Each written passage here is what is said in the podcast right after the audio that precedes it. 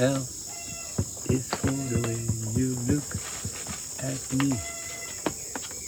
O is for the We zijn met de hele familie op vakantie in Frankrijk.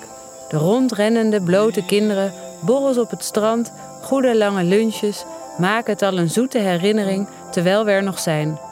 Voor mijn ouders is de reis sowieso een trip down memory lane. Frankrijk is het land waar ze vroeger al kampeerden, eerst samen en later met mij en mijn zusjes. Maar terwijl we er zijn, raakt mijn vader steeds vaker de weg kwijt. Op een dag wordt hij na het douchen met alleen een handdoekje om door twee giechelende Françaises teruggebracht naar ons tentenkamp. We lachen dit incident weg. Alles lijkt hier ook zo op elkaar. En hij is vast ook moe. Al die kleine kinderen steeds om hem heen. We willen niet zien wat er echt aan het gebeuren is. In deze aflevering komen we in een nieuwe fase van het proces. Wat gebeurt er met ons als onze hoop op de proef wordt gesteld en de vrees de overhand krijgt? Ik ben even de Visser en dit is Een aangekondigde dood, aflevering 4, tussen hoop en vrees. Er is in 15 jaar tijd niks uitgevonden dat de prognose van patiënten met het type hersentumor dat mijn vader heeft verbetert. We weten het, maar we willen het nog niet beseffen. We kunnen onze hoop op verbetering nog niet opgeven. Eva. Hey Dennis. Een vriend van mij werkt bij een organisatie die informatie over deelname aan wereldwijde beschikbare medische trials vindbaar maakt. Ik overleg met mijn vader en hij vindt het goed als ik kijk wat het oplevert. Zonder hem erbij te betrekken, want daar wordt hij onrustig van. Dennis legt me de werkwijze van het bedrijf uit. Patiënt en arts die kunnen niet elke dag weten van alles wat er open is en het laatst ontwikkeld is en eventueel beschikbaar is. Ze zetten alle nationale en internationale opties op een begrijpelijke manier voor je op een rijtje. Ziekenhuizen zijn vaak zelf ook op de hoogte van de trials in eigen land.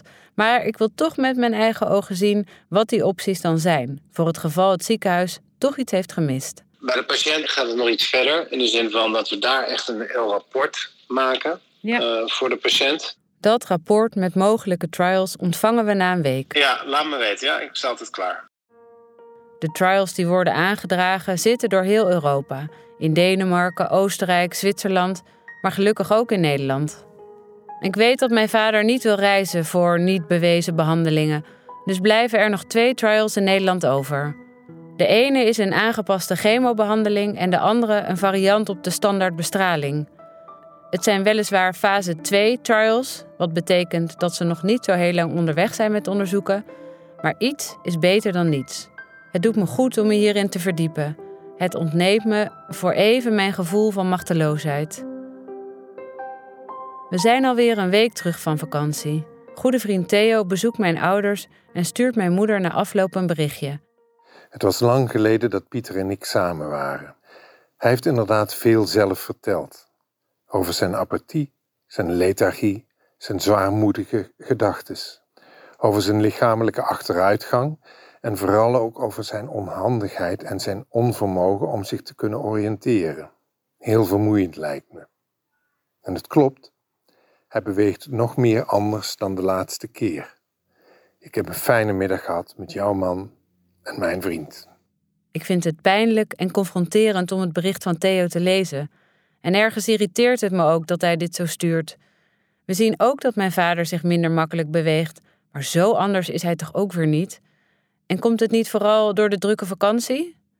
De reden die Theo zo openlijk deelt, sluimert ook ergens in onze hoofden. Maar die willen we nu juist nog niet horen. Een paar dagen na het appje bel ik Theo om het er met hem over te hebben. Ik vind het verdrietig om te horen dat je ervan geschrokken was. Ja, ja, we hadden net die vakantie in Frankrijk gehad. En ik bedoel, ik zie ook wel dat dat niet, dat dat een andere vader is dan, ja, dan, eh, dan een jaar geleden. Maar eh, ja, je, je steekt gewoon je kop nog zo erg in het zand eigenlijk. Ik reken het jou helemaal niet aan. Nee, maar zo hoor ik het ook niet hoor. Nee. Maar ja, het is gewoon moeilijk. Want Ja. je, je wil toch de hele tijd eigenlijk dat, het, eh, dat iedereen het verkeerd heeft. Maar hij heeft het niet verkeerd, helaas. De nachten erna gaat het opeens heel slecht met mijn vader. Mijn moeder stuurt ons een berichtje. Papa is de laatste nachten onrustig en gedesoriënteerd. Het is heel angstig. Hij weet niet hoe hij in zijn bed ligt en uh, loopt dan door het huis en uh, vraagt zich af waar hij is. Hij herkent het wel als het huis, maar kan zich niet oriënteren. Het is angstig. Al mijn alarmbellen gaan af. Mijn vader gaat dood. En hij, uh, we hebben gisteren de huisarts gebeld in het ziekenhuis en hij is weer sinds twee dagen begonnen met een lichte dosering dexamethason. En dat helpt wel. De volgende dag rijd ik naar mijn ouders. Met bonkend hart sla ik de straat in. Ik zet me schrap voor het ergste. Zou hij liggen? Zou hij nog kunnen communiceren? Maar als ik de deur open doe, komt mijn vader me gewoon tegemoet. Hij ziet er moe uit, maar verder is het niet heel anders dan een week terug. Ik kan weer ademhalen. En het lijkt ook al iets beter te gaan. Mijn vader slikt extra medicatie om de druk op zijn hersenen te verminderen. En dat helpt. Maar de angst zit erin. Ik vraag mijn vader of hij de heftigheid kan omschrijven van wat hij meemaakte. Ja, dat was redelijk beangstigend, omdat je jezelf wel bewust bent van het feit dat je bent en dat je leeft en ademhaalt en weet ik het wat. Maar in een ruimte en een omgeving die totaal, maar dan ook 100% onbekend is. En dat je dus, ook al weet je dat je in je eigen slaapkamer zit, dat je niet kunt bepalen waar jij in die slaapkamer bent, waar die slaapkamer is in het huis, waar de muren staan en waar ze eindigen, waar de deuren naartoe gaan. Het was eh, heel bizar. Ik kan het met niks vergelijken. Nog nooit in mijn leven meegemaakt. Dus het was, ja, dat was beangstigend. Omdat je denkt van, hoe kom ik weer terug in de, in de normale wereld? En uiteindelijk is dat teruggekomen door te gaan liggen. Maar ook het liggen was vreemd, omdat je ook liggend in een soort, ja, een soort vacuüm, maar dan eh, in, in een niks. Ik was in niks. Het klinkt nachtmerrieachtig, erger nog. Mijn vader zegt dat het niet meer hoeft van hem als dit zijn voorland is. En ik snap hem, voor zover dat mogelijk is. Groeit de tumor of is het alleen vocht dat met medicatie verholpen kan worden? Angstige vragen spoken door onze hoofden. Die middag lunchen we nog even met zijn drieën en doen we ons best om het over iets anders te hebben. Later die week zal mijn vader een MRI krijgen die duidelijkheid moet geven. En dan zien mijn ouders op het klokje van de oven dat ze weg moeten voor het gesprek met de psycholoog. Mijn ouders bezoeken, onder protest van mijn vader, al een tijdje samen een psycholoog van het Helen Dowling Instituut. Mijn vader moppert iedere keer als ze er naartoe gaan. Al dat gevroet in zijn ziel. Dat mopperen is deze keer niet anders. Maar ondanks de heftige nachten gaan ze. En als ze terugkomen, zijn ze allebei diep onder de indruk. Ik heb mijn vader gevraagd om het gesprek met de psycholoog op te nemen op zijn mobiel. Het blijkt een heel intiem gesprek. Een van de onderwerpen van hun gesprek is de veranderende werkelijkheid voor mijn vader. Ik zou wel willen, maar het kan gewoon niet meer. En dat moet ik even accepteren. Of even. Dat moet je even accepteren. Hoor je jezelf dat ja, zeggen? Ja, ik hoor het woord even ook. Maar hoe doe je dat? Een beetje aanpassen aan de veranderde omstandigheden. Maar hoe pas je je aan aan, Nou, aan door- omstandigheden die zo drastisch veranderd zijn voor je? Ja, door... Je bent totaal gedesoriënteerd. Ja. Je kunt helemaal de weg niet meer vinden. Letterlijk en figuurlijk niet meer. Daar word je van de ene op de andere dag wakker in. Ze vraagt het nog een keer. Hoe doe je dat even accepteren dat alles anders is? Nee, dat doe je ook niet even. Dat, eh, dat kost wel wat energie in de zin van... Ja, verdriet noem ik het maar steeds. Ja, Dat is het uiteindelijk. ja dat is ook heel verdrietig. Ja.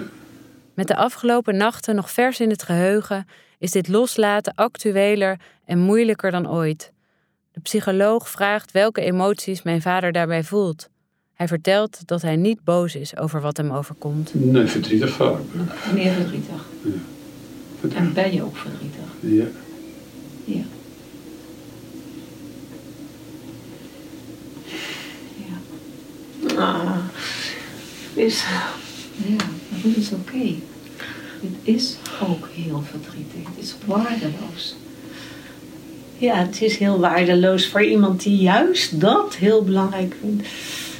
Ja, Ja, het is niet alleen dat fietsen, het is gewoon... Alles. Het is niet alleen het fietsen, het is alles. Het is ook het fietsen. Maar het is ook al die andere dingen. Ja. En dit is oké. Ja. Blijf gewoon doorhalen. machteloos. Het is zo'n, ook al lul je er 80 uur over, ook al ga je er 26 keer een ander gedrag voor vormen, maar het blijft. Ja, dat maakt het niet minder.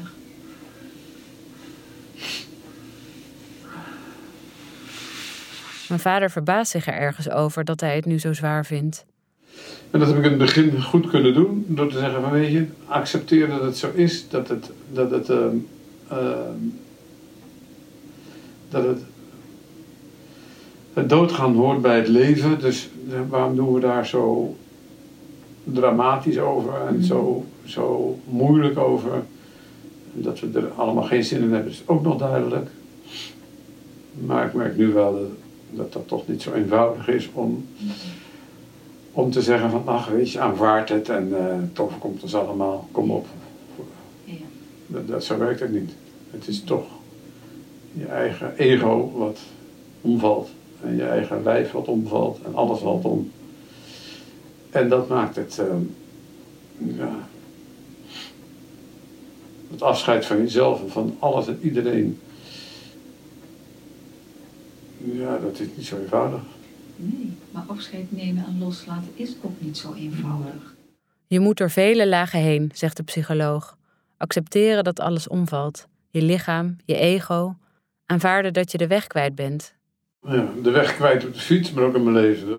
Dat mijn vader eigenlijk nog zo lang zo goed heeft kunnen functioneren. Nog op vakantie is geweest met al zijn kleinkinderen. Het Pieterpad heeft gewandeld met zijn jongste dochter.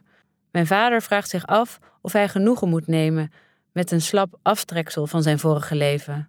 Maar dat hoeft niet volgens de psycholoog. Genoegen nemen. Het enige wat je kan gaan doen, is dat je echt loslaat wat er was.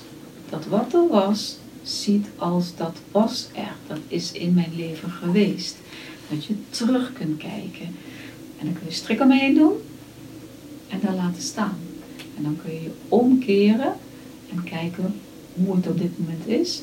En gaan kijken of je vanaf de plek waar je nu bent wakker geworden nog iets van je leven kan maken. De psycholoog probeert mijn vader te tonen dat hij afscheid mag nemen van de prestatiegedreven persoon die hij zo lang was. En misschien mag je nu ook gewoon iets anders doen. Dan nog steeds moeten werken en knokken en presteren. En, Ja, maar dat zit zo Mhm, vanaf kinds af aan erin. ja. Zoals mijn vader zei, je, je doet het en dan doe je het goed. Ja. De psycholoog noemt mijn vader een brave jongen, die altijd in het leven heeft gestaan zoals zijn koersbepalende vader hem heeft opgedragen. Ze geeft hem toestemming om die brave jongen los te laten. Hij kan en hoeft die jongen niet meer te zijn. Ze praten hier nog een tijdje over door en dan buigt mijn vader zich hoorbaar naar voren. Iedere keer zit ik een beetje tegenop om onder mijn, eh, in mijn ziel te gaan roeren. En dan denk ik van, ja, weet je, het lost ook allemaal geen kloot op. Het, Nee, dat ik, lost niks op.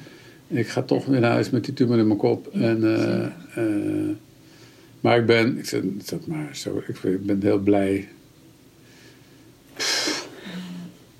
ja.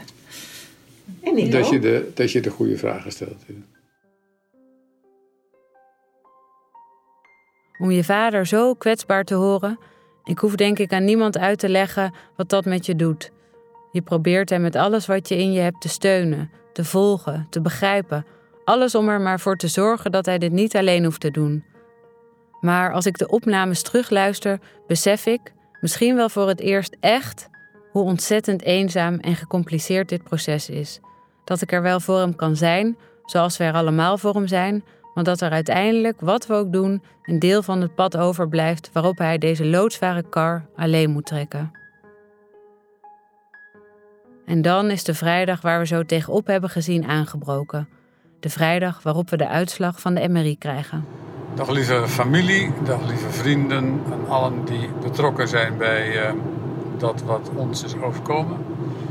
Vandaag zijn wij uh, bij de oncoloog geweest naar aanleiding van de MRI die afgelopen vrijdag is gemaakt. Zij had een slecht bericht. Uh, de tumor was gegroeid, zit nu ook in het midden van mijn hersenen, dus op de verbinding tussen beide hersenhelften en is uitgebreid naar de linkerkant. Al met al uh, slecht bericht. Dus um, ja, even slikken, heel erg slikken. En dat wat ik aanvankelijk nog als hoop had van, kan het wel uitstellen. Ik ga de uitzondering vormen uh, van alle mensen die uh, glioblastoom hebben, om dat veel langer vol te houden dan gemiddeld. Nou, uh, die hoop is vervlogen. Uh, nou, tot zover de slechte mededeling. Ik kan er ook geen betere van maken. Uh, ik hoop dat niet iedereen nu gaat bellen. En ik vind alle betrokkenheid heel mooi en lief en aardig. Maar ja, we moeten het zelf ook nog even verwerken. We komen de, elkaar wel tegen in de komende tijd. En dan hebben we het er nog wel over. Uh, in ieder geval, tot zover bedankt voor alle. Uh, alle betrokkenheid. Doei.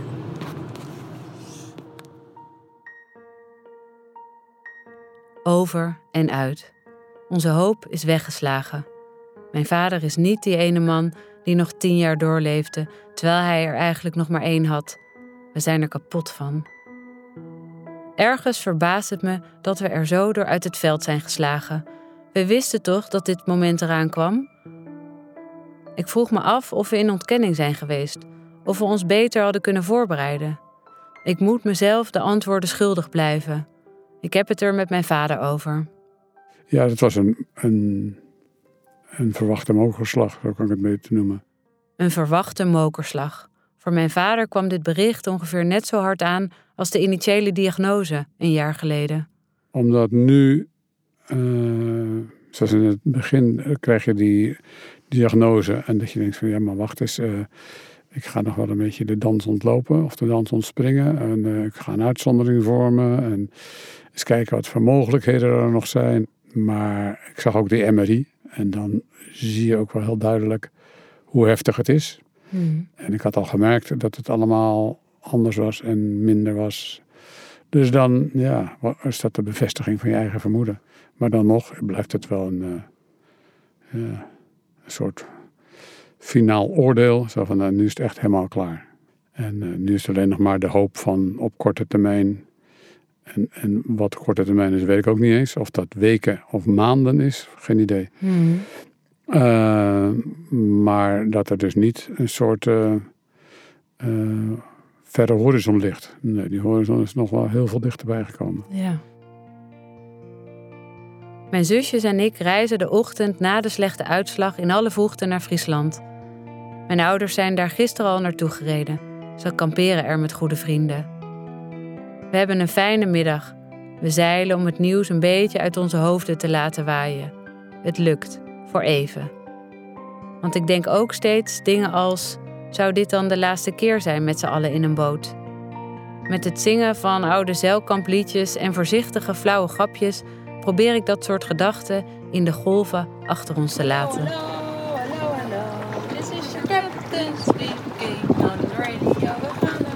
Ondertussen hebben mijn ouders met hulp van het ziekenhuis in Brabant een gesprek aangevraagd in het Amsterdamse UMC, locatie VU, om te kijken of mijn vader mee kan doen aan een van de trials die we uit het rapport hebben gehaald.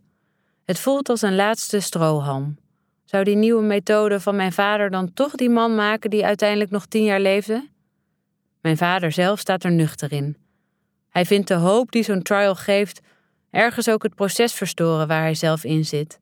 Het proces van loslaten. Dat je in je zoektocht naar allerlei alternatieven en naar andere mogelijkheden de rust kwijtraakt om dat wat je overkomen is een plek te geven, om, om daarmee om te gaan. Maar dat je dus steeds maar afdwaalt van dat wat er aan de hand is, op zoek naar allerlei mogelijkheden. We zullen ook nog weten dat de mogelijkheden zeer beperkt zijn. Mm. Kan je afvragen of je dat dan moet doen. Maar goed, als aan de andere kant, als er een goed alternatief is, een, een wetenschappelijk onderbouwd, onderbouwde behandeling, Mm. ja, dan waarom zou je dat niet doen? Nee. Maar zelfs als er opeens een wondermiddel wordt uitgevonden. Stel dat er nu iemand tegen je zegt: Meneer, we hebben iets gevonden en daar, daar leeft u nog twee jaar verder mee, of vijf jaar, of voor, voor mij part voor eeuwig. Ik denk, als je nu net gewend bent aan het feit dat het zeer spoedig een einde is. En je moet opeens bedenken van, oh wacht, ik krijg er nog opeens vijf jaar bij, of weet ik het hoe lang. Mm. Tja, dat is niet zo eenvoudig, denk ik. Dat is, Nee. eh, eh, ook al zou ik daar heel gelukkig mee zijn, het is wel, alles wordt op zijn kop. En Mhm. dat kost energie en dat is onrust. Ja. Ja. Ik snap nu dat deze reactie van mijn vader niets te maken heeft met niet beter willen worden, maar alles te maken heeft met accepteren, met het nemen van zijn verlies. Dat had ik een jaar geleden niet goed begrepen, nu wel. En dan horen we dat hij is uitgeloot. Hij krijgt nog wel gewone chemo, maar niet de alternatieve chemo. De verwachtingen die we hiervan hebben zijn ook anders dan een jaar geleden. Ja, we staan daar heel raar nuchter in. Eh, Wat ja, het- verwacht je ervan? Ja, niks. Dat is eigenlijk een soort luchtledig. De hoop die we hadden bij de eerste chemo en de bestraling, ja, dat, die hebben we nu niet, omdat ja, gebleken is dat binnen een half jaar na het beëindigen van de eerste chemo de tumor weer is gaan groeien. Dus op basis daarvan denk je, ja, wat kunnen we dan verwachten van zo'n tweede kuur? Mijn moeder ziet dat mijn vader steeds verder achteruit gaat. Ja, je ziet dat hij wat wiebeliger wordt, dus minder stabiel in zijn lopen. Mm, De desoriëntatie is er meer. Hij wordt meer onzeker. Hij durft niet meer alleen te fietsen. Ja, ik zie wel op, op punten dat hij eh, verandert. Ook wel wat zijn gedrag en zijn karakter. Maar mijn moeder blijft steeds naast hem staan, altijd. Ook als mijn vader wat achterdochtiger wordt. Ook zijn emoties vlakken wat af, alhoewel hij de confrontatie met mijn moeder wel blijft opzoeken. Ze noemt zichzelf soms de kop van Jut. Maar dat is heel goed dat de psycholoog heeft gezegd. Het zijn zijn frustraties. Dat moet bij hem blijven en dat hoort niet bij jou. En daar houd ik me aan vast. Maar ze is ook enorm onder de indruk van mijn vaders kracht. Zelf is ze ook verbaasd over het feit dat ze steeds weer opkrabbelt uit diepe dalen. Ja, soms denk je van, waar zijn mijn emoties? Van heb ik geen emoties? En dan word ik weer ingehaald door al die emoties en dat je ineens heel verdrietig bent. Dus dat wisselt elkaar af. En ja, dat gevoel van zit ik in een slechte film en hoe realistisch is dit? Nee, dit is realistisch, dit is echt. En toen ik gisteren jarig was, papa lag nog te slapen en ik was alleen beneden. En ik dacht, oh, ik ga alles voor het ontbijt klaarzetten. Toen zat ik daar alleen aan die ontbijttafel. En dan weet ik, papa is nog boven. En dat idee is fijn, maar dan bedenk ik me straks, zit ik daar alleen. En hoe is dat dan? En ja, dan, dan wil ik daar gewoon maar verder niet over nadenken. En het is nog zo. Hij, hij, hij is nog boven en hij komt straks naar beneden en dat is fijn. Mijn moeder wil nog genieten van het nu. Een toekomst samen is er niet. Er zijn alleen heden en verleden. We halen de reis aan naar Frankrijk, dat dat zo fijn was. Een soort reis door de tijd via Parijs en de Loire-streek richting Bordeaux. Plekken waar ze ooit samen waren. Ik merk bij mezelf ook dat emoties komen en gaan. Ze hangen nauw samen met hoe hard mijn vader achteruit gaat. Iedere nieuwe waarneembare verslechtering zorgt voor nieuwe pijnen en nieuwe angsten. Totdat we daar weer aan gewend zijn. In de volgende en vooralsnog laatste aflevering onderzoek ik of we echt klaar zijn voor het nemen van afscheid. Zijn er nog dingen die we tegen elkaar willen zeggen of aan elkaar willen vragen? Of is alles gezegd en kunnen ook wij beginnen met loslaten? Voor degenen die willen blijven hangen voor weer wat muziek, sluiten we deze keer af met het nummer Soldier On van Direct. Het is een mooi nummer en eh, die man vind ik geweldig zingen. Ja, die is echt... En, eh, En jullie vinden het samen ook mooi. ja, Als we het nummer voor het eerst samen luisteren, zegt mijn vader dat hij wil dat we het bij zijn afscheid draaien. Het moet over de vijver schallen, op de plek waar hij zijn herdenking voor zich ziet. Ik schiet vol en blijf het hele nummer huilen. Mijn vader staat op om me te troosten. We houden elkaars hand vast terwijl we verder luisteren. Ja, Eve, het gaat echt gebeuren, zegt mijn vader. Ik huil hard en ongeremd. Soldier in a woman, you're always true to form. Just keep on pushing your shopping cart through the storm. Most people buy it, but you feel it's one that we can no longer afford. Stop believing in our story. You say it's way too short.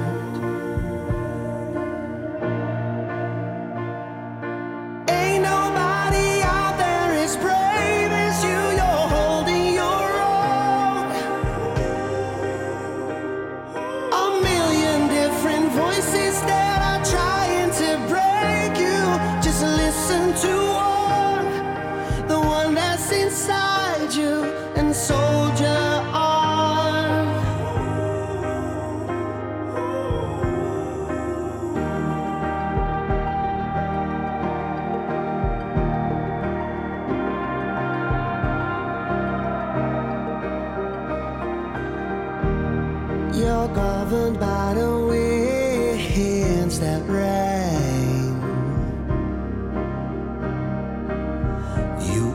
yourself with a flower chain and a broken cane.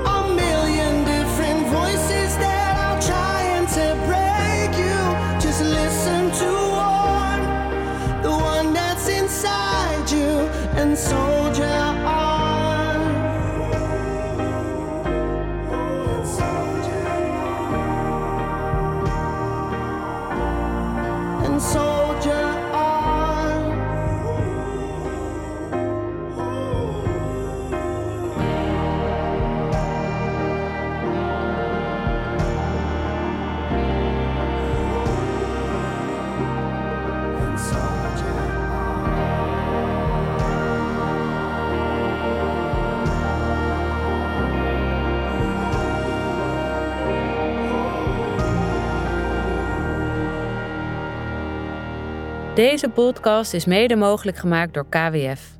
KWF doet er alles aan om ervoor te zorgen dat kankerpatiënten ook in hun laatste levensfase worden omringd met goede zorg.